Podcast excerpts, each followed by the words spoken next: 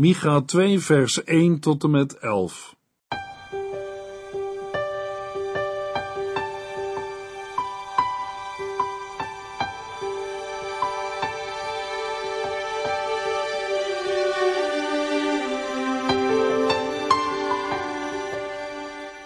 Hartelijk welkom bij De Bijbel Door. Dit is een programma van Transworld Radio. U kunt ons ook vinden op internet www.transworldradio.nl. De Bijbel Door is een radioserie die in vijf jaar tijd door de hele Bijbel gaat. Van Genesis tot Openbaring, van kaft tot kaft.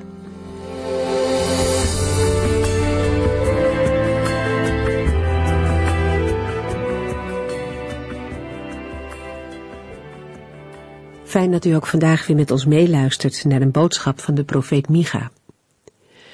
In hoofdstuk 1 hebben we gezien dat Micha de afgoderij van Samaria, het tienstammenrijk, aan de kaak stelt. Opvallend is ook de emotie van de profeet zelf die hij beschrijft. De zonde van het volk en het oordeel van de Heere daarover, het raakt hem diep. In vers 10 zegt hij dan ook dat men het niet bekend moet maken in Gat, een stad van de Filistijnen. Het is niet goed om het kwade van Gods volk overal maar bekend te maken. Veel beter kunnen we de tijd besteden door het goede van God te vertellen en bekend te maken dat God zijn enige zoon heeft gegeven om de wereld te redden. Overigens betekent deze liefde en genade van God niet dat mensen zich niet hoeven te bekeren van hun zonde. Micha laat zien dat God bij blijvende onbekeerlijkheid met zijn oordelen komt. Na Samaria zal ook Juda dat merken. En vooruitkijkend naar de toekomst geldt dat natuurlijk voor elk mens. De vorige keer hebben we de versen 10 tot 16 gelezen en daarin worden verschillende plaatsen genoemd. De profeet maakt duidelijk dat het oordeel tot in de kleinste steden zal doordringen en dat er nergens meer een veilige vluchtplaats zal zijn. De zonden van de mensen roepen om Gods oordeel. Toen, maar nu ook, zal de Heere vanuit de kleinste gehuchten en in de meest afgeleven plaatsen mensen ter verantwoording roepen voor hun daden, om voor zijn rechterstoel te verschijnen. En wie denkt dat het hem of haar wel voorbij zal gaan, die heeft het mis. En daarom is het zo belangrijk dat we nu vertellen over de bron van levend water die God gegeven heeft in Christus. Bij hem is redding voor ieder mens. Het is nu een tijd van genade, waarin de Heere klaar staat om iedere zondaar die berouw heeft te vergeven. En dan lezen we verder in Micha 2.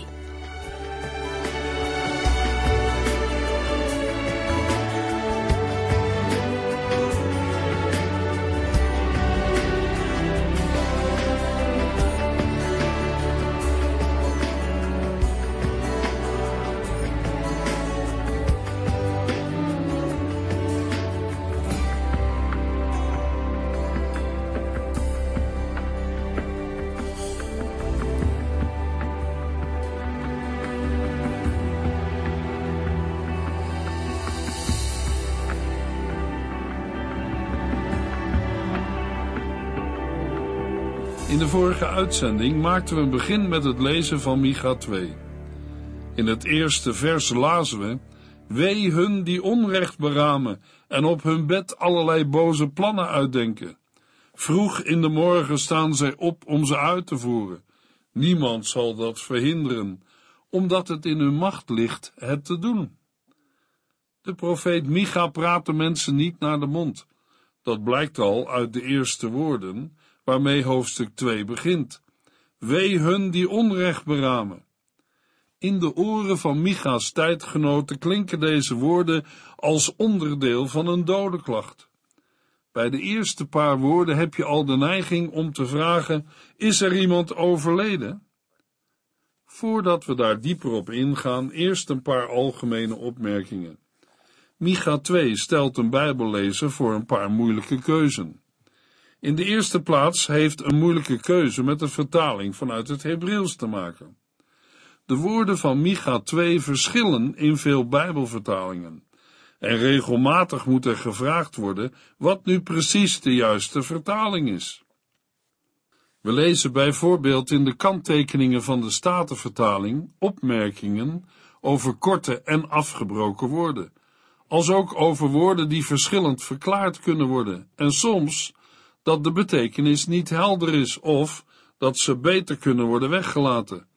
Bijvoorbeeld omdat het een herhaling is van het voorgaande. Een ander probleem dat het nog moeilijker maakt, is de vraag: wie spreekt hier eigenlijk?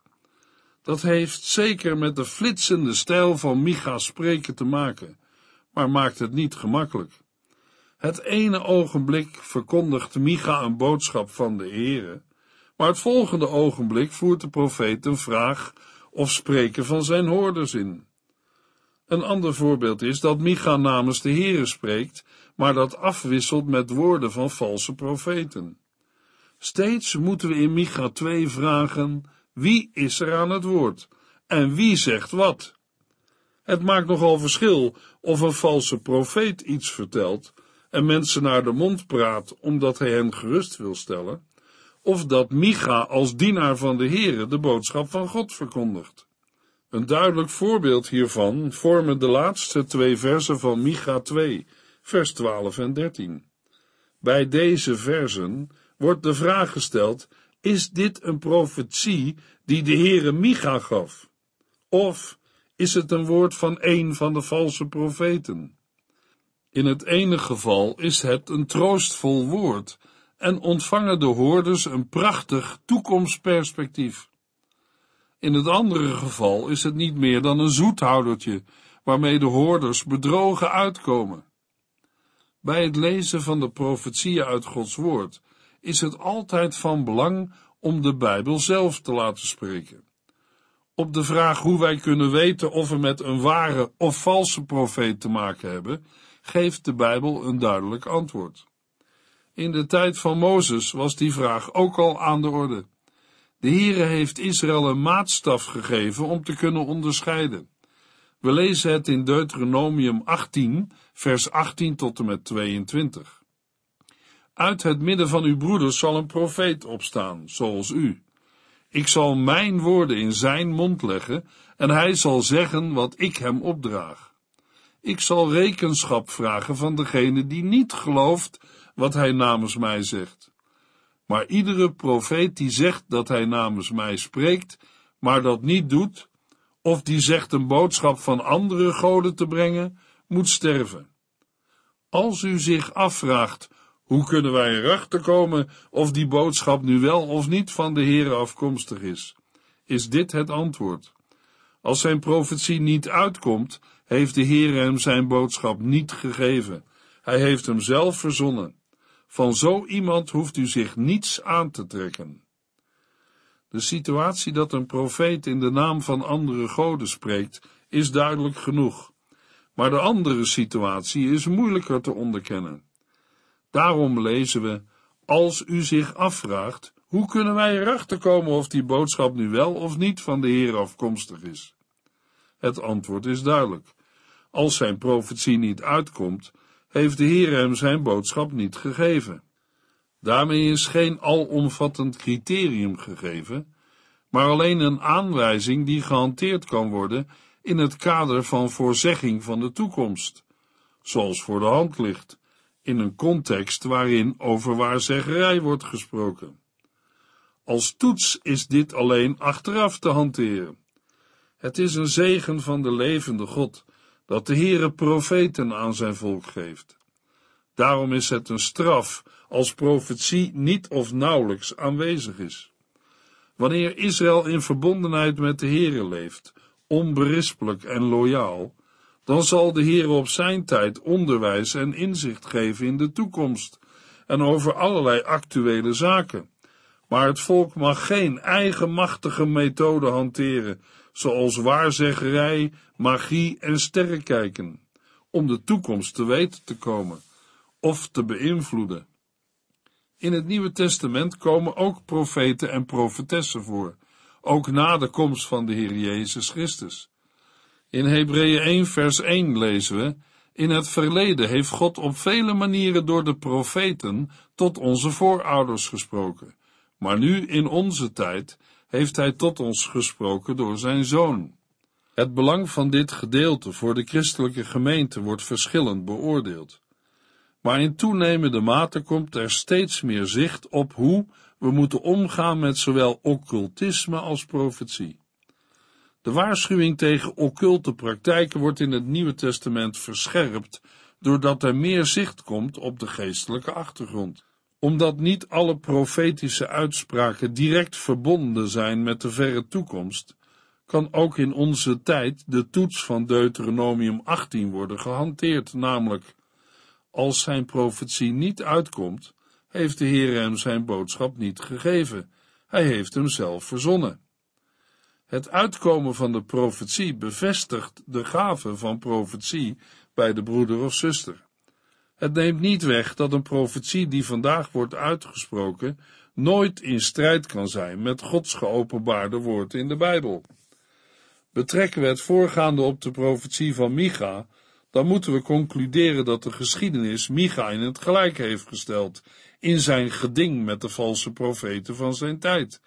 Immers een eeuw later is Juda en Jeruzalem in ballingschap weggevoerd. We lazen het ook bij Micha, de zoon van Jimla, in 1 Koningen 22, vers 28. Daar zegt hij tegen koning Agab, als u in vrede terugkeert, zal blijken dat de Heere niet door mij heeft gesproken. Daarna spreekt hij de omstanders aan en zegt, onthoud goed wat ik heb gezegd. Daarmee geeft Micha, de zoon van Jimla, aan dat ook zij straks kunnen weten of hij bij de valse of bij de ware profeten hoort. Als Agab levend terugkomt, is Micha, de zoon van Jimla, een valse profeet en heeft de Heere niet door hem gesproken.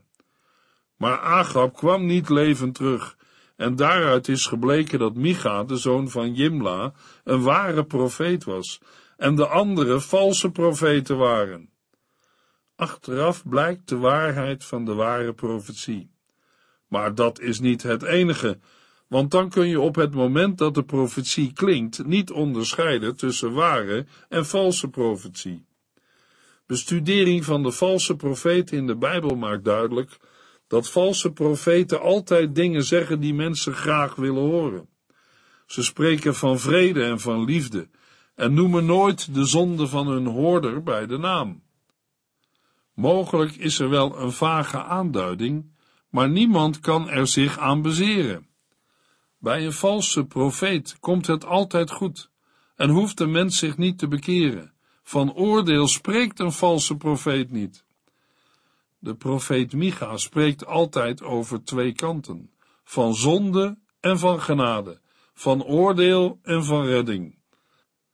En de redding wordt alleen ons deel in de weg van echte bekering. De Heer Jezus Christus deed het in zijn verkondiging nooit anders. In Matthäus 9, vers 10 tot en met 13 lezen we: Later gingen Jezus en zijn leerlingen bij Matthäus thuis eten. Er waren ook veel tolontvangers en zondaars te gast, die samen met hen aan de maaltijd zaten. De fariseeën zagen dat. Waarom gaat uw meester met dat soort mensen om? vroegen zij aan zijn leerlingen. Omdat gezonde mensen geen dokter nodig hebben, maar zieken wel, antwoordde Jezus. Ga weg en denk maar eens na over wat er in Hosea staat. Ik wil dat u met andere mensen meeleeft. Het gaat mij niet om uw offers. Ik ben gekomen om zondaars uit te nodigen, niet degene die Gods wil al doen. Uit de levenswandel van een gelovige zal blijken of hij of zij bereid is de wil van God te doen. In Micha 2 beschrijft de profeet duidelijk de zonden van het volk. Gods oordeel kwam over de Israëlieten, omdat zij tot het dienen van andere goden waren overgegaan. Zij pleegden geestelijk overspel en hoereerden met andere goden. Lazen we niet in Micha 1 vers 7, al haar sierlijke afgodstempels zullen worden verbrand. Ze werden gebouwd van de opbrengsten van tempelprostitutie en daartoe zullen ze weer dienen. In het dienen van andere goden blijkt seks een belangrijke rol te spelen. Juist daarin openbaart zich een mens die zonder God leeft, door de geboden van de Heer op het gebied van seksualiteit en omgang tussen een man en zijn vrouw in het huwelijk te breken. Romeinen 1 vers 24 geeft aan dat als mensen een speelbal worden van hun eigen onreine begeerten, dan gaan ze elkaars lichamen misbruiken en onteren. Dan ruilen zij de waarheid van God in voor de leugen. De zonden die Micha zal veroordelen in hoofdstuk 2 zijn zonden tegen elkaar, zonden tegen de mensheid, terwijl het in hoofdstuk 1 zonden waren in hun relatie met de Heere God. Micha begint met de hebzucht van grondeigenaren die steeds meer willen. We lazen in Micha 2 vers 1, Wee hun die onrecht beramen en op hun bed allerlei boze plannen uitdenken. Vroeg in de morgen staan zij op om ze uit te voeren. Niemand zal dat verhinderen, omdat het in hun macht ligt het te doen. De mensen waar het hier om gaat, willen zich ten koste van anderen verrijken. Zij zullen beweren dat ze binnen de mazen van de wet geen dingen doen die niet mogen.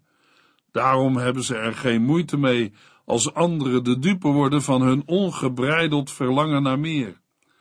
In hun denken betekent geld macht. Zij kunnen hun boze plannen uitdenken en doorvoeren. Maar hoe doen ze dat dan? Micha 2 vers 2 Hebben zij hun zinnen gezet op een bepaalde akker, dan zorgen zij ervoor die te krijgen. Zien zij een huis dat zij willen hebben, al is het iemands enige bezit, dan leggen zij er beslag op met dreigementen en geweld. Door het woordje wee uit vers 1 weten wij dat er nog al wat aan de hand moet zijn. Vers 2 laat concreet zien wat het onrecht is. Micha tekent in vers 2 de grootgrondbezitters, die grof onrecht bedrijven tegenover kleine boeren en plattelandsbewoners. Micha weet waarover hij het heeft, want hij woont zelf ook op het platteland. Het is een vorm van onrecht dat tot op de dag van vandaag nog steeds niet is verdwenen. Het is een sociaal onrecht dat bedreven wordt door mensen die beschikken over kapitaal en een groot deel van de vruchtbare grond. Zij breiden hun bezit uit ten koste van de kleine man, die geen macht en geld heeft om zich te verweren. Zo gebeurde het ook in ons land, omdat toen de grote grondeigenaren op zondag vooraan in de kerk zaten, hebben mensen zich tegen de kerk afgezet, omdat de kerk geen protest heeft laten horen. En zijn er ook vandaag nog steeds bepaalde streken die vaak als gevolg daarvan tot de meest onkerkelijke gebieden van Nederland behoren. Hebben zij hun zinnen gezet op een bepaalde akker, dan zorgen zij ervoor die te krijgen. In 1 Koningen 21 lezen we er een voorbeeld van. Koning Agab wil de wijngaard van zijn buurman Nabot, maar die wil niet verkopen, omdat het familiebezit is. Zij hebben de grond van de Heer gekregen bij de verdeling van het beloofde land. Dan gaat koningin Izebel ervoor zorgen dat Nabot uit de weg wordt geruimd en Agab zijn wijngaard krijgt. Zo woekerde de zonde van de hebzucht in Israël door. De rijken begonnen land en huizen te vorderen, omdat zij het geld en de macht hadden om dat te doen. Dat zij daarmee een kleine boer beroofden van zijn grond, huis en inkomen, en dat zij daarmee een gezin dakloos maakten, dat was hun probleem niet. Zij dachten, zaken zijn nu eenmaal zaken, en van liefdadigheid kan een mens niet leven. Maar de profeet Micha ontmaskert hun optreden. Deze mensen zondigen tegen Exodus 20. Micha 2 vers 3 tot en met 5. Daarom, zegt de Heere, ga ik voor u een straf bedenken. Het zal een vreselijke straf zijn, waaraan niemand zich kan onttrekken. U zult dan niet meer trots met uw neus in de wind lopen, want het zal een verschrikkelijke tijd zijn. Op die dag zal men een spotlied op u aanheffen, en u zult huilend en jammerend dit klaaglied zingen. Het is met ons gedaan, we zijn totaal vernietigd. God heeft ons land van ons afgenomen en in vreemde handen laten overgaan. Hij deelt onze akkers uit aan goddelozen. Daarom zult u niemand hebben die u, door loting, land toewijst in de gemeente van de Heere. We horen in deze woorden de heilige boosheid en afschuw van de Heere over het handelen en de hebzucht van de grootgrondbezitters. Zij hanteren het recht van de sterkste. In een andere vertaling lezen we in vers 3, Daarom zo zegt de Heere, zie ik ga tegen dit geslacht een kwaad bedenken. De boosdoeners worden aangeduid als dit geslacht. En Micha moet profiteren hoe het hen zal vergaan, net als een dier dat met zijn kop in een strik vastraakt en er niet meer uit loskomt. Micha zegt, het zal een vreselijke straf zijn, waaraan niemand zich kan onttrekken. Het wil zeggen dat er een verschrikkelijke tijd aankomt. Daarbij zullen we moeten denken aan de ballingschap, waarin de betrokkenen alles kwijtraken wat ze onrechtmatig hebben verkregen. Het resultaat van hun hebzucht en verlangen naar meer zal zijn dat ze met lege handen staan. We lazen, op die dag zal men een spotlied op u aanheffen, en u zult huilend en jammerend dit klaaglied zingen. Het is met ons gedaan, we zijn totaal vernietigd, God heeft ons land van ons afgenomen en in vreemde handen laten overgaan. Vers 4, het vers dat zo moeilijk te vertalen is, zegt zelfs dat de situatie van deze berooide grootgrondbezitters tot een spreekwoord zal worden, waarin ze zelf sprekend worden ingevoerd met een klaagzang, die in Micha 2 een ondertoon van spot heeft. Nu hebben ze niets meer, alles is hen ontnomen. Vers 5 laat zien dat deze brutale en hebzuchtige grootgrondbezitters, die dachten het halve land tot hun bezit te maken, een tragische misrekening hebben gemaakt. Voor hen is er geen plaats meer bij het volk van God. Micha kondigt aan, daarom zult u niemand hebben die u door loting land toewijst in de gemeente van de Here. In de gemeente van de Here zal voor deze hebzuchtige rijkaards geen plaats wezen. Daar wordt met hen niet gerekend.